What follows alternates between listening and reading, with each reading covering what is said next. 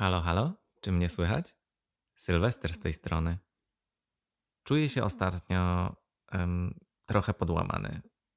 Nie wiem, czy z jakiegoś konkretnego powodu, ale tak starałem się przygotować do nagrywania tego podcastu od kilku dobrych dni i chciałem sobie spisać wszystko to, o czym chciałbym Wam opowiedzieć. Em, Miałem kilka pomysłów na to, o czym ten dzisiejszy odcinek ma być. Ale za każdym razem, jak siadałem do nagrywania, to w ogóle kompletnie tego nie czułem.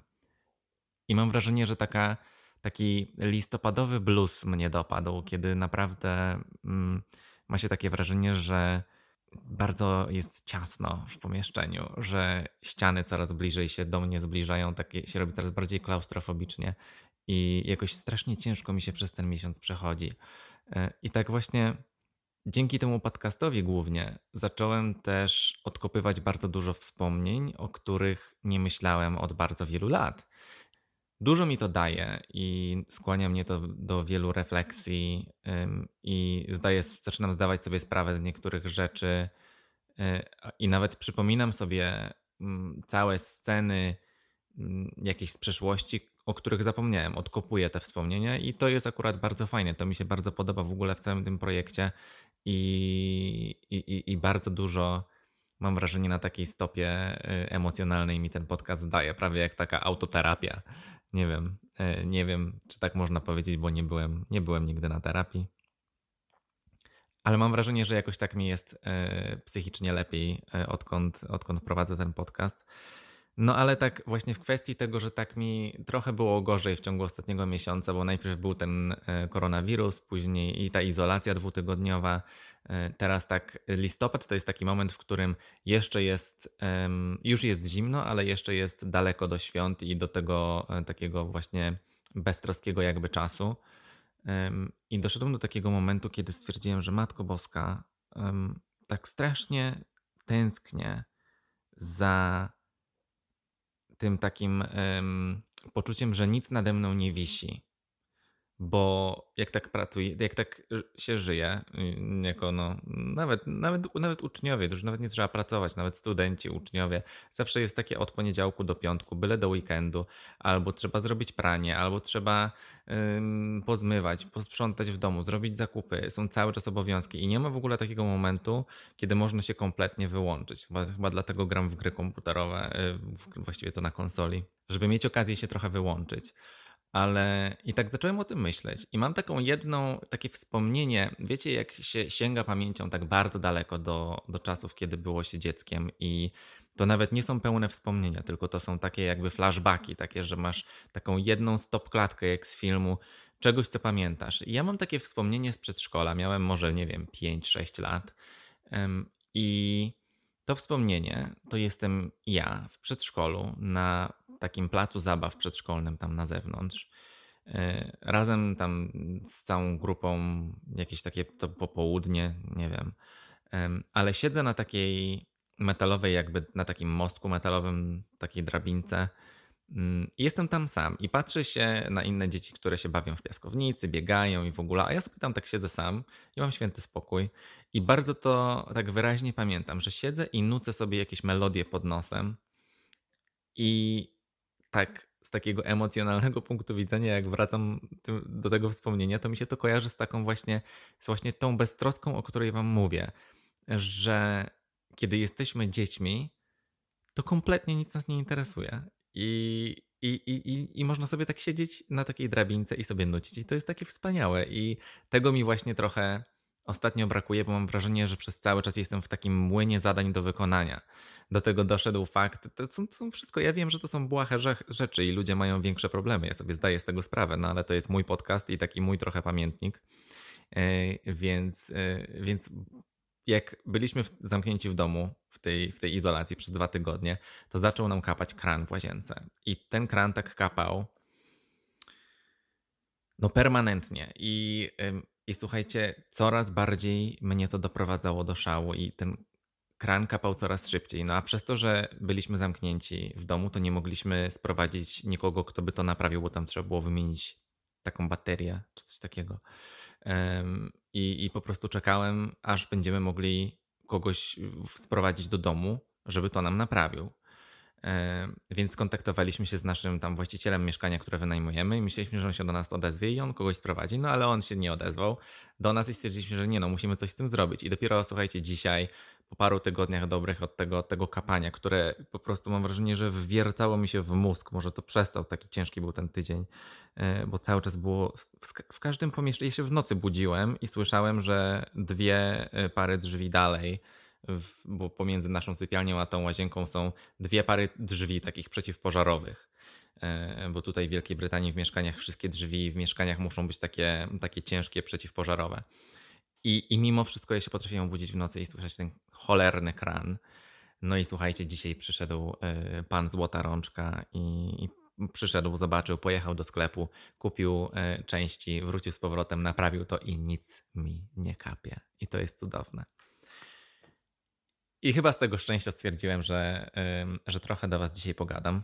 I w kwestii tego wspomnienia, tej stopklatki, od której, od której zacząłem ten podcast, od tego siedzenia mojego jako tego pięcio czy sześciolatka na tej drabince na placu zabaw, kiedy nie miałem żadnego zmartwienia e, poza tym, co będę jadł na obiad, to zacząłem myśleć o tym, gdzie w życiu codziennym teraz mam taką możliwość tego, żeby, żeby właśnie tak się kompletnie jakby zdekompresować mózg, przestać myśleć. Bo ja na przykład nie medytuję, nie? Mi się wydaje, że pewnie medytacja by w czymś takim pomogła, e, żeby, żeby trochę się uwolnić od tego. Ale ja doszedłem do wniosku, że naszym takim sposobem na ucieczkę od tego takiego wahadła, które nad nami wisi, były podróże. No my z Grzegorzem, yy, dla tych, którzy nie wiedzą, yy, Grzegorz to jest mój chłopak, z którym jesteśmy razem od 10 lat, mieszkamy tutaj razem w Cardiff. Yy, no i my razem z Grzegorzem jeździliśmy zawsze do Azji. Co, co kilka miesięcy albo raz w roku, trzy, trzy razy. Urządziliśmy sobie taką wyprawę kilkumiesięczną, raz to był prawie rok do Azji zwiedzaliśmy tam Tajlandię, Wietnam, inne, inne kraje. I to był taki nasz sposób na to, żeby się y, kompletnie, kompletnie odciąć, wyłączyć i zresetować. I odpocząć od tej rutyny i od tego czekania e, właśnie na dzień wolny, od urlopu do urlopu, od świąt do świąt, e, od wypłaty do wypłaty.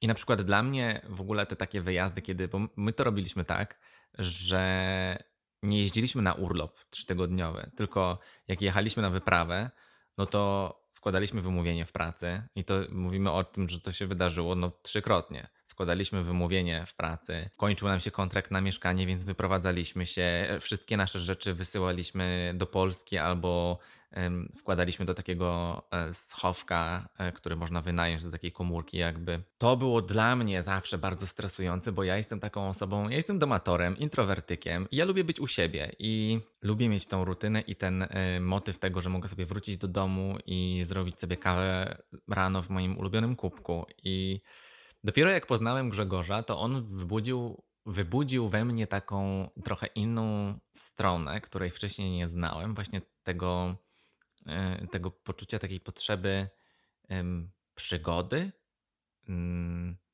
właśnie takiej wyprawy.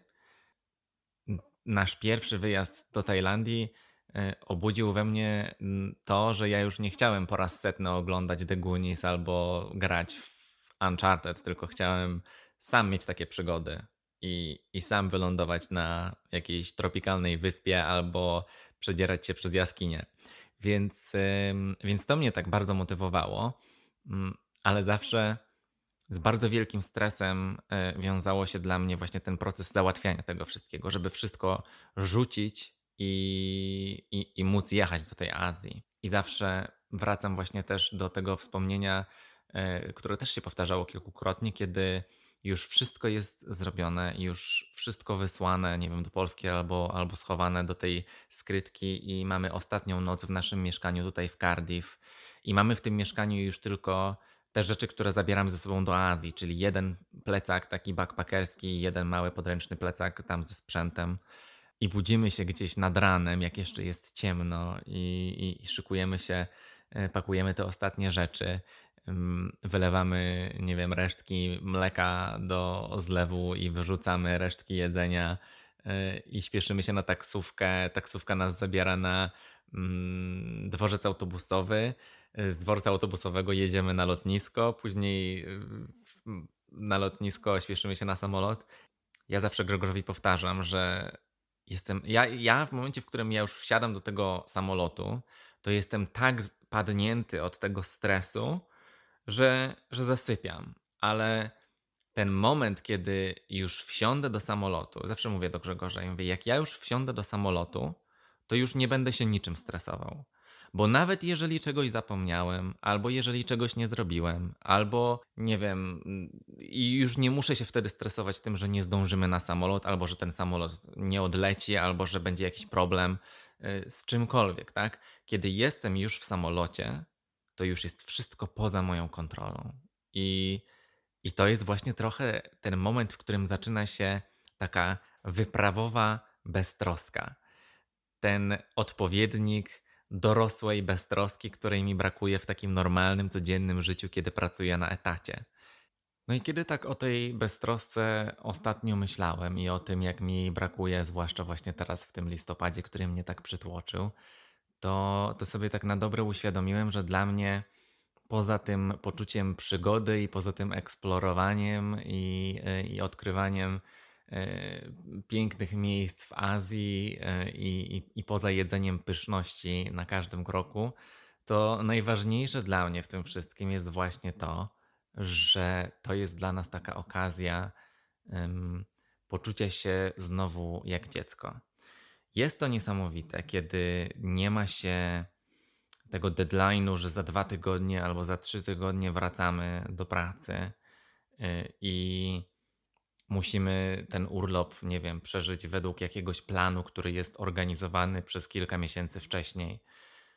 Mega, mega fantastyczne jest to, kiedy jest się w Azji, e, czy w ogóle gdziekolwiek w podróży, właśnie tak przynajmniej na 2-3 miesiące i nie ma się tego planu, i każdy dzień jest dla nas. I i każdy dzień jest po to, żeby zdecydować samemu, co dzisiaj chcemy robić, gdzie chcemy dzisiaj jechać. Jeżeli dotrzemy do jakiegoś miasteczka, w którym będzie nam się wyjątkowo podobać, to będziemy mogli zostać tam na dodatkowe trzy dni albo tydzień. I, I, wielokrotnie tak się działo. I takim największym w ogóle przykładem tej, tej beztroski, tej spontaniczności, prawie że dziecięcej, było to jak podczas jednej z naszych wypraw, kiedy już e, zwiedziliśmy kilka fajnych miejsc na Filipinach, później pojechaliśmy do Tajlandii, e, polecieliśmy. Tam dotarliśmy do Bangkoku. Z południa Tajlandii dotarliśmy do Bangkoku i tam spotkaliśmy się z naszymi znajomymi Olą i Mariuszem, którzy prowadzili kiedyś kanał na YouTubie, który się nazywał Mariola w podróży. I oni robili vlogi ze swojej wyprawy rowerowej po Azji. I tak nas strasznie mm, ten ich entuzjazm do jazdy rowerami zaraził. I tak nam się podobały ich filmy i to, mm, jak e, co oni mieli okazję zobaczyć jeżdżąc rowerami, kiedy rzeczywiście trafiali na naprawdę nieturystyczne miejsca. No i słuchajcie, na totalnym spontanie, y, właśnie dzięki nim, stwierdziliśmy, że a, nie wiemy jeszcze, ile będziemy mm, w Azji, ale chcemy zostać na, na trochę dłużej, więc to kupimy rowery i dalej jedziemy rowerami. Czajcie to? W ogóle bez jakiegoś takiego, nie wiem, przygotowania, jacyś tacy super wysportowani to my nie byliśmy ale stwierdziliśmy, że dobra, jakoś to będzie.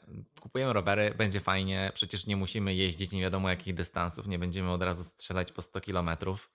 E, no i kupiliśmy te rowery. Ola z Mariuszem byli nawet z nami e, w sklepie z rowerami, do którego oni zawsze też jeździli kupować rowery, jak sami wyruszali na wyprawy.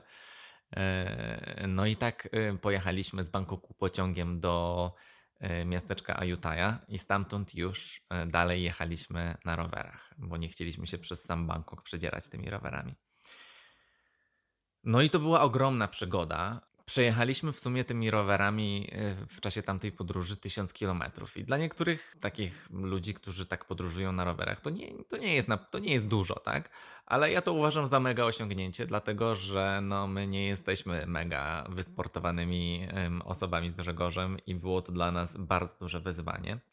A do tego, przez to, że decyzja była podjęta na spontanie, to kompletnie nie, nie pomyśleliśmy o tym, że w sumie to jest marzec a za chwilę będzie kwiecień. Co oznaczało, że to był najgorętszy czas e, i sucha pora e, w Tajlandii. No i słuchajcie, lekko nie było, bo myśmy jeździli w temperaturze 40, 43, 45 stopni. E, I problem był taki, że bardzo dużo miejsc na naszej drodze w ogóle było zamkniętych, w sensie hotele były pozamykane, bo to były takie okolice poza turystycznym szlakiem, więc nikt normalny tam ym, nie przyjeżdża o tej porze roku. No nikt normalny, tylko, tylko my tam jeździliśmy tymi dróżkami. I parę razy były takie sytuacje, w których my naprawdę do tak, o zmroku gdzieś tam w szczerym polu zastanawialiśmy się, czy, czy w ogóle będziemy mieli gdzie spać, bo nie mieliśmy nam, namiotów, a hotele były pozamykane. I, i, i, I kilka razy się tak zdarzyło, że naprawdę w ostatniej chwili E, udało nam się znaleźć jakiś, e, jakiś nocleg e, w tych, w tych małych wioseczkach, które były tam po drodze do granicy Tajlandii z Kambodżą. Ale mimo wszystko było coś takiego niesamowitego i pięknego w tym, że mogliśmy każdego dnia zdecydować, że a to pojedziemy tam, a to pojedziemy tam. Albo po drodze spotykaliśmy jakąś rodzinę, która zapraszała nas, żeby wejść tam do nich na gospodarstwo i coś tam sobie pooglądać. Więc ym, mamy dzięki tej decyzji spontanicznej takie wspomnienia, których na pewno byśmy nie mieli, gdybyśmy dalej podróżowali autobusami. Bo wtedy ta część trasy pomiędzy punktem A i B już jest stracona, a tutaj to, to, tą trasę pomiędzy naszymi miejscami, które odwiedzaliśmy, podczas tej trasy w dalszym ciągu mogliśmy y, coś fajnego zobaczyć.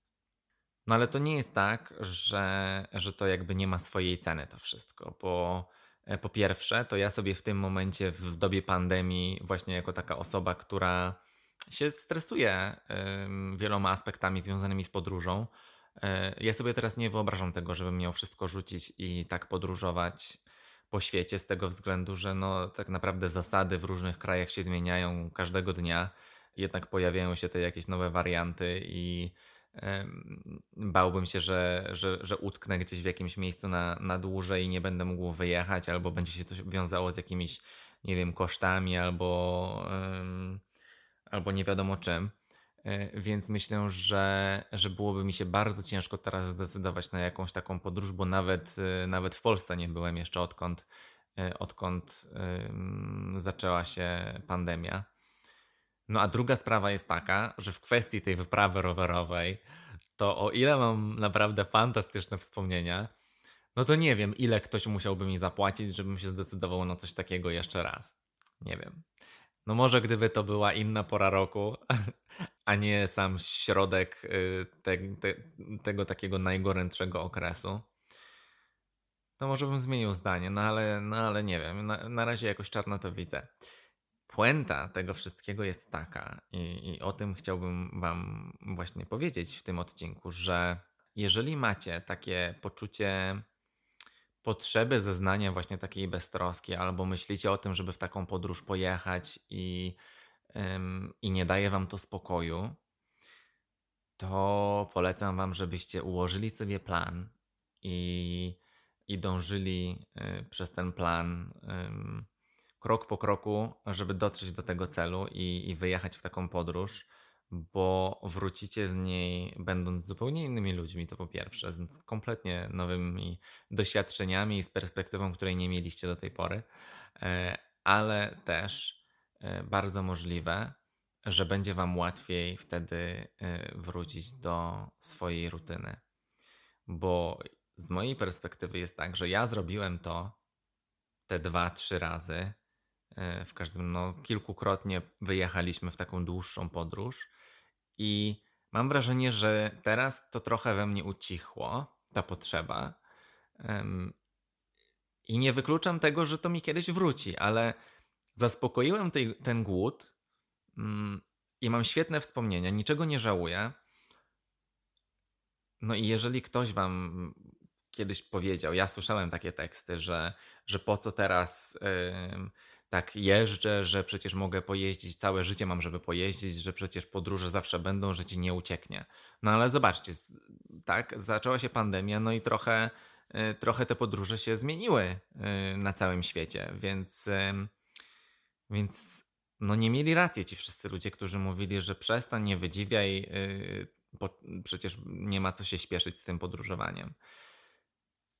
Mi chodzi w tym odcinku o to, że jeżeli macie taką potrzebę, to jedźcie, bo wa ważne jest to, żeby ten mózg czasami mógł odpocząć i. Ym, ja właśnie w tym miesiącu odczuwam taką potrzebę tego, że, że potrzebuję, żeby mi mózg odpoczął i może nie uda mi się pojechać w podróż do Azji, żeby, żeby to osiągnąć, ale, ym, no ale będę nad tym pracował przez następnych kilka dni. Może to jakaś taka jesienna handra. Słuchajcie, nie wiem. Możecie dać mi znać, jeżeli wam też ten listopad tak trochę ciężej przeszedł, to będziemy się razem y, użalać i, i, i co? No, nie jesteście sami w tym. Listopad generalnie nie należy do zbyt fajnych miesięcy. Ale już za chwilę będzie grudzień, a to oznacza, że będą święta, będzie Sylwester, no a styczeń to jest zawsze dobra okazja na, na fajne nowe zmiany i ekscytujące.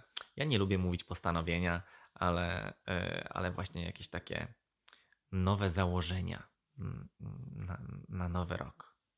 Powiem wam, tak nagrałem ten odcinek i w sumie to nie wiem jak on wyszedł, bo um, kompletnie nie miałem planu jak, e, jak się dałem do, do tego nagrywania.